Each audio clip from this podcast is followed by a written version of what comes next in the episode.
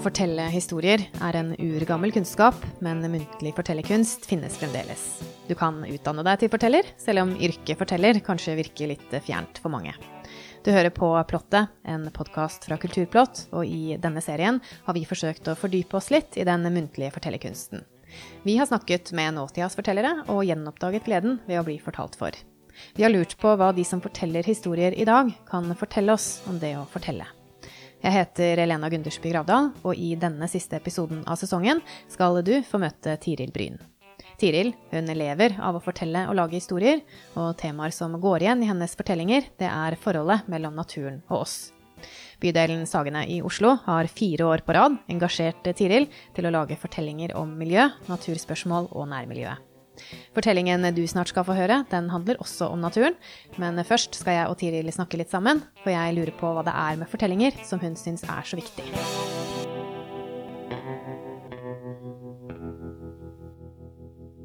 For mange, både voksne og barn, så er det faktisk litt truet, liksom denne fantasien og forestillingsevnen. Og tiden. At liksom vi må passe oss litt for at ikke liksom at teknologien på en måte stjeler fra oss både tiden og fantasien og forestillingsevnen. Og liksom det at vi selv kan ha frihet til å liksom forestille oss hva slags verdener vi vil. Da. Og også det at skjermer er så ekstremt visuelle at hvis du ikke liksom Altså den evnen til å liksom kunne se for deg indre bilder, den er ikke der hvis du ikke bruker den, som alle andre ting. Det er en sånn muskel så jeg liksom tenker at vi trenger fantasi, forestillingsevne, tid og, og, og Ja. Så, det, så, jeg opplever at, at det er kjempeviktig, da. Fortelling. Og én måte å få fortellingene ut på, det er gjennom fortellerforestillinger. Og de må ikke forveksles med teater. Og de kan jo minne om en teaterforestilling, men så er det det at det kommer fra et annet sted. Og liksom, min bakgrunn er ikke liksom, teaterutdanning, men jeg har tatt en fortellerutdanning på Høgskolen i Oslo. Og når du tar en fortellerutdanning, så um, tar man på en måte utgangspunkt i den urkunsten som fortelling er, som kommer fra en muntlig tradisjon. Og så er det på en måte blitt hentet opp igjen. Og så prøver vi å finne ut hva kan vi gjøre med det i dag. Hver gang man står på scenen, så vet man ikke akkurat hvordan det blir. Fordi publikum er forskjellig. Og eh, liksom, for at det virkelig skal bli bra, så er man veldig sånn, avhengig av å nå frem til dem. At du har dem der hos deg. Og du er veldig avhengig av å måte, være veldig til stede i din egen kropp. Sånn at det er en sånn, liksom, sånn kontinuerlig sånn utforsking da, av liksom Hva kan jeg gi, liksom? Hva kan, jeg, hva kan skje? Og så det, liksom det farligste når du skal fortelle en historie, føler jeg liksom er Hvis jeg kjenner den veldig godt, så føler jeg meg veldig trygg. Hvis jeg ikke har funnet Altså hvis den er helt ny, og det er ren improvisasjon, så, så da må man bare stole på øyeblikket. Men hvis man liksom kan historien bare nesten, det er det aller skumleste. Ok, Hvorfor er det, hvorfor er det så skummelt? At man ikke skal liksom kunne liksom At man på en måte bli selvbevisst og ikke kunne på en måte være til stede på den måten man ønsker. At de tingene som man ønsker skal skje, skjer. da. At man blir opphengt i liksom ord og i å huske ting istedenfor å liksom bare være der med publikum og med fortellingen.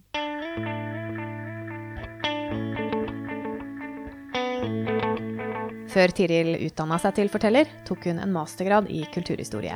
Der sammenligna hun norske og japanske eventyr, for eventyrene de har bestandig trukket henne til seg.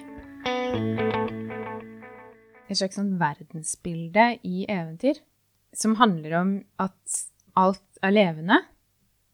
Og hvis du liksom viser respekt for omgivelsene rundt deg, så får du masse hjelp tilbake. Det er ikke så veldig uvanlig at en stein kan snakke, f.eks. Eh, og, og, så har jeg på en måte tenkt at liksom veldig mange sier at eventyrene og fantasien det kommer på en måte liksom fra naturen og fra skogen, og er liksom veldig sånn lokalt og liksom knyttet til et landskap, da. Samtidig som det jo også er veldig universelt, fordi det finnes overalt hvor det er mennesker. liksom Så finnes disse historiene, da. Så den derre filosofien om at alt lever, det På et eller annet vis så føles det veldig riktig for meg, på en måte. Og så siden så har jeg jo Du kan si at jeg har en sånn slags ønske i meg om å fortelle de historiene som får både meg selv og andre til å forstå dette som veldig mange sier nå, liksom sånn Vi er ikke atskilt fra naturen, vi er også natur. Hva er det som gjør at jeg kan forstå det, og hva er det som gjør at jeg kan liksom være villig til å bry meg nok da, om naturen på den måten som jeg opplever at vi trenger, da.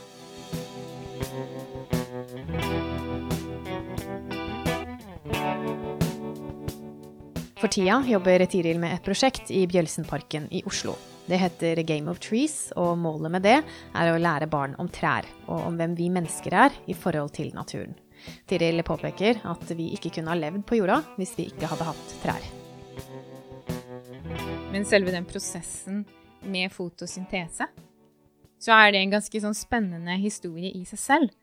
Fordi trærne spiser sollys, og de drikker vann, som, liksom, de drikker vann da, som er fra regnet som går ut i bladene. Og så blander de karbondioksid, regn og sol. Og så skaper de sukker så de selv kan vokse. Og så eh, oksygen som går ut i luften, og som gjør at liksom, mennesker og dyr kan puste i luften. Da. Og grunnen til at vi kan leve her på jorda, er fordi alle grønne planter har fotosyntese og lager det oksygenet som vi puster inn, og så puster de også inn det vi puster ut, og omvendt, da. Og den eneste planeten vi vet om som har en atmosfære med oksygen, det er jorda. Og det er liksom på grunn av de grønne plantene at vi finnes.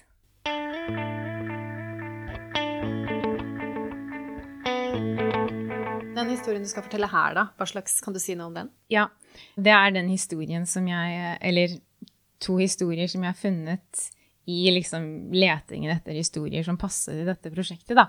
Så disse kommer fra Eller jeg har satt sammen to historier. Eh, som kommer fra Stephen Frys mytos. Så det er greske myter, da. Men de har liksom noen elementer som jeg fant, som jeg tenkte Her er det noe. Og så har jeg liksom prøvd å lage det til en Ja. Så det er jo liksom ganske likt historiene slik de slik uh, Stephen Fry har skrevet dem, da, men bare med noen små justeringer. Jo mer liksom, tid jeg hadde, jo mer ville jeg nok forandret og gjort dem til mine egne, da. Men jeg tok det med av liksom, at jeg føler at de er no, kanskje noen brikker i den større historien som jeg holder på og ønsker å fortelle, da.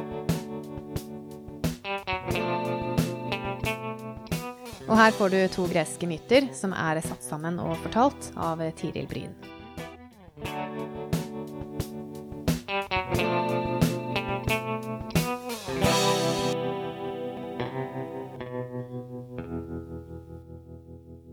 Har du hørt om Pandoras krukke?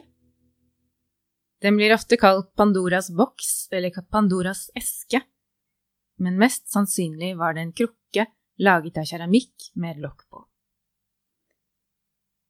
Dette er en historie fra gresk mytologi, og den foregikk på den tiden da Sevs og hans bror Promoteus nylig hadde laget menneskene.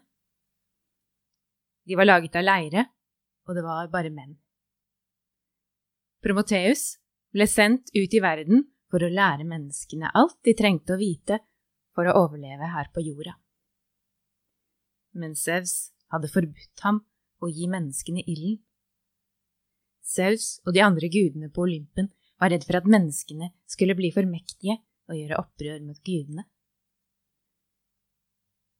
Men Promoteus, han var svært glad i menneskene. Han brydde seg om dem, og han så hvor mye de trengte ilden, så han stjal ilden fra Olympen og ga den til menneskene. Zeus ble naturlig nok rasende og det var tid for hevn. Sevs ville hevne seg på Promoteus, og dette gjorde han på ulikt vis, og en av hevngjerningene som Zeus satte i gang, var at han fikk en av de andre gudene til å skape den første kvinnen, det første mennesket som var kvinne. Ja, for på jorden så fantes jo alle gudene og alle nymfene og hamadriadene og satyrene, men en kvinne som var menneske, fantes ikke.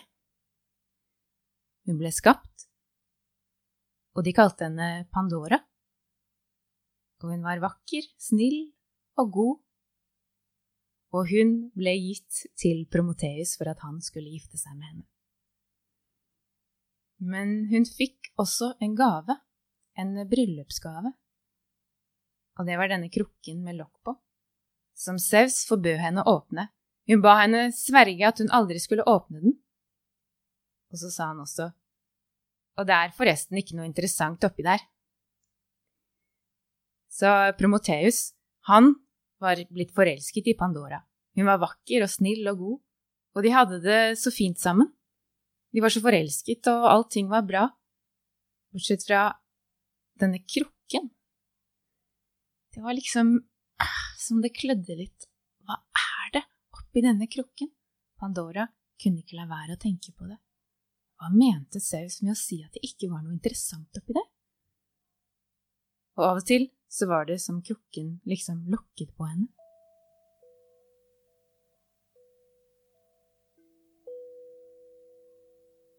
Og en gang Pandora var alene hjemme, var hun inne på soverommet, og der sto den, krukken. Og hun bar den med seg ut i hagen.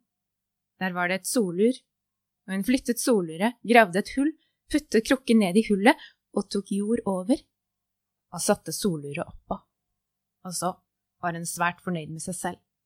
Hvis hun ikke lenger så den, ville den sikkert ikke friste henne på samme måte. Nå hadde Pandora og Promoteus det enda bedre enn før. Ja, Promoteus var så glad i henne at han ville lage en fest for henne, og de inviterte venner. Det var mat og sang og drikke og taler til ære for Pandora. Og det var en sånn slik fest, hvor alle som gikk hjem, følte seg så lykkelige og glade, fulle av latter og glede. Det sies at dette var gullalderens aller siste fest. Akkurat den natten fikk ikke Pandora sove. Månen skinte inn gjennom vinduet, og hun gikk bort til vinduet og så ut, og der så hun hvordan månelyset skinte ned på soluret. Og så gikk hun ut i hagen, hun flyttet soluret, hun gravde opp krukken, og før hun stoppet seg selv, åpnet hun lukket. I det samme kom det ut en sky av blafrende vinger, fæle ul, skrekk og uhygge, masse små, svarte, flyvende vesener fylte himmelen. Og hun så Promoteus' ansikt, og hun besinnet seg et øyeblikk, tok på lokket, og da var det bare ett lite vesen igjen nede i boksen, og hun hørte hvordan vingene dens slo. Det Sus hadde puttet i bryllupsgaven til Pandora var eh, sorg, misnøye, sult, sykdommer, hat, grådighet, vold, kriger. Og alt det spredte seg ut fra den åpne krukken og ut i verden og ville for alltid være hos menneskene.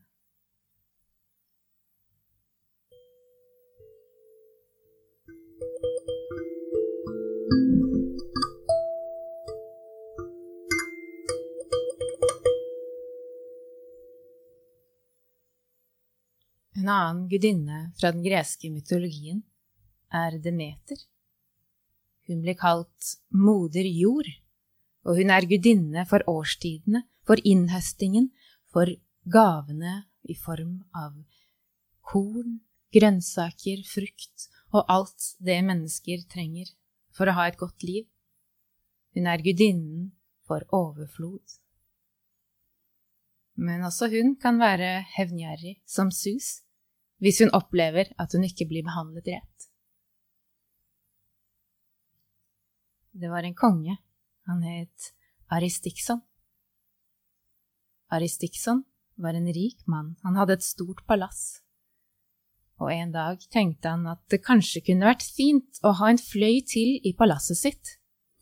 Så Aristikson fikk med seg skogsarbeiderne sine og gikk ut i skogen for å finne tømmer.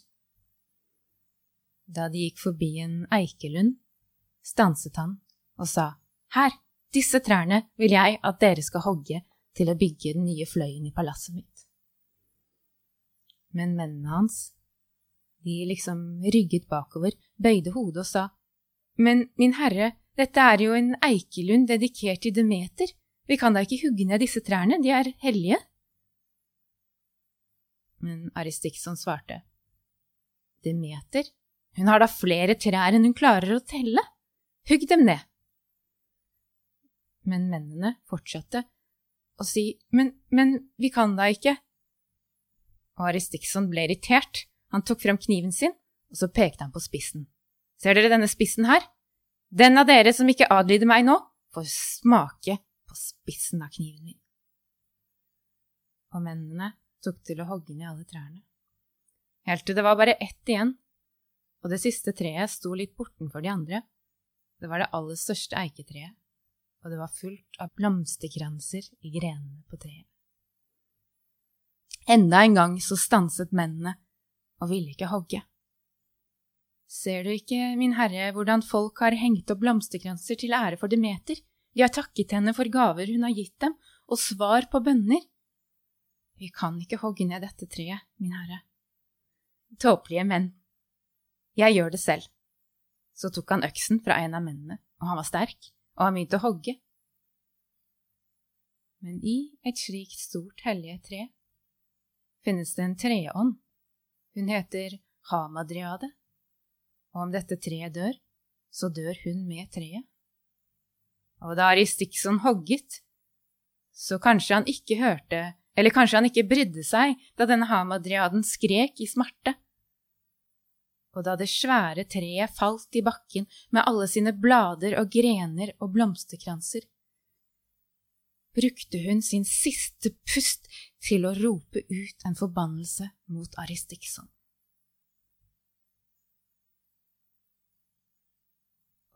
Demeter ble naturlig nok rasende og ville hevne seg på Aristikson.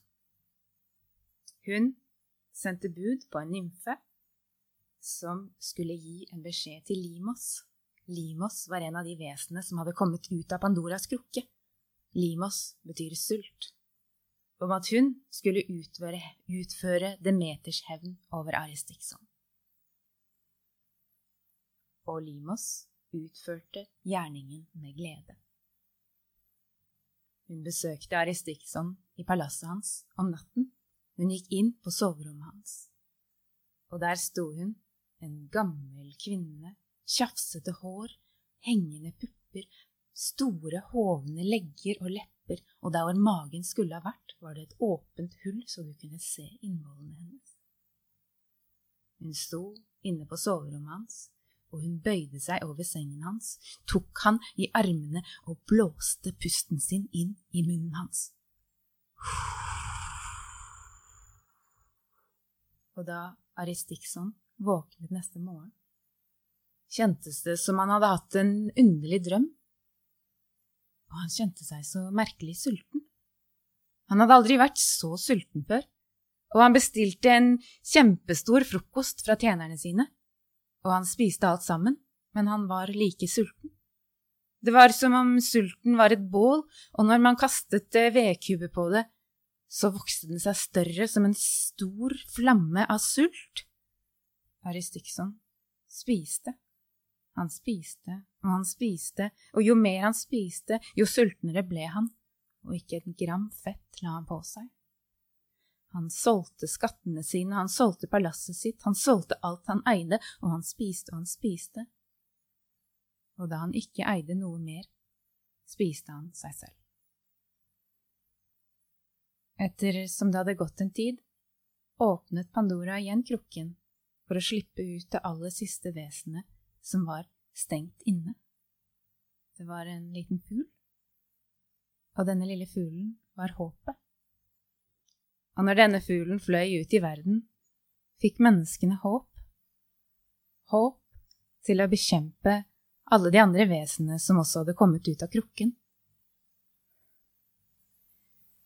og kanskje håp nok til å ta vare på Demeter, moder jord, slik at hun fortsatt kan fortsette å gi oss de gavene hun gir.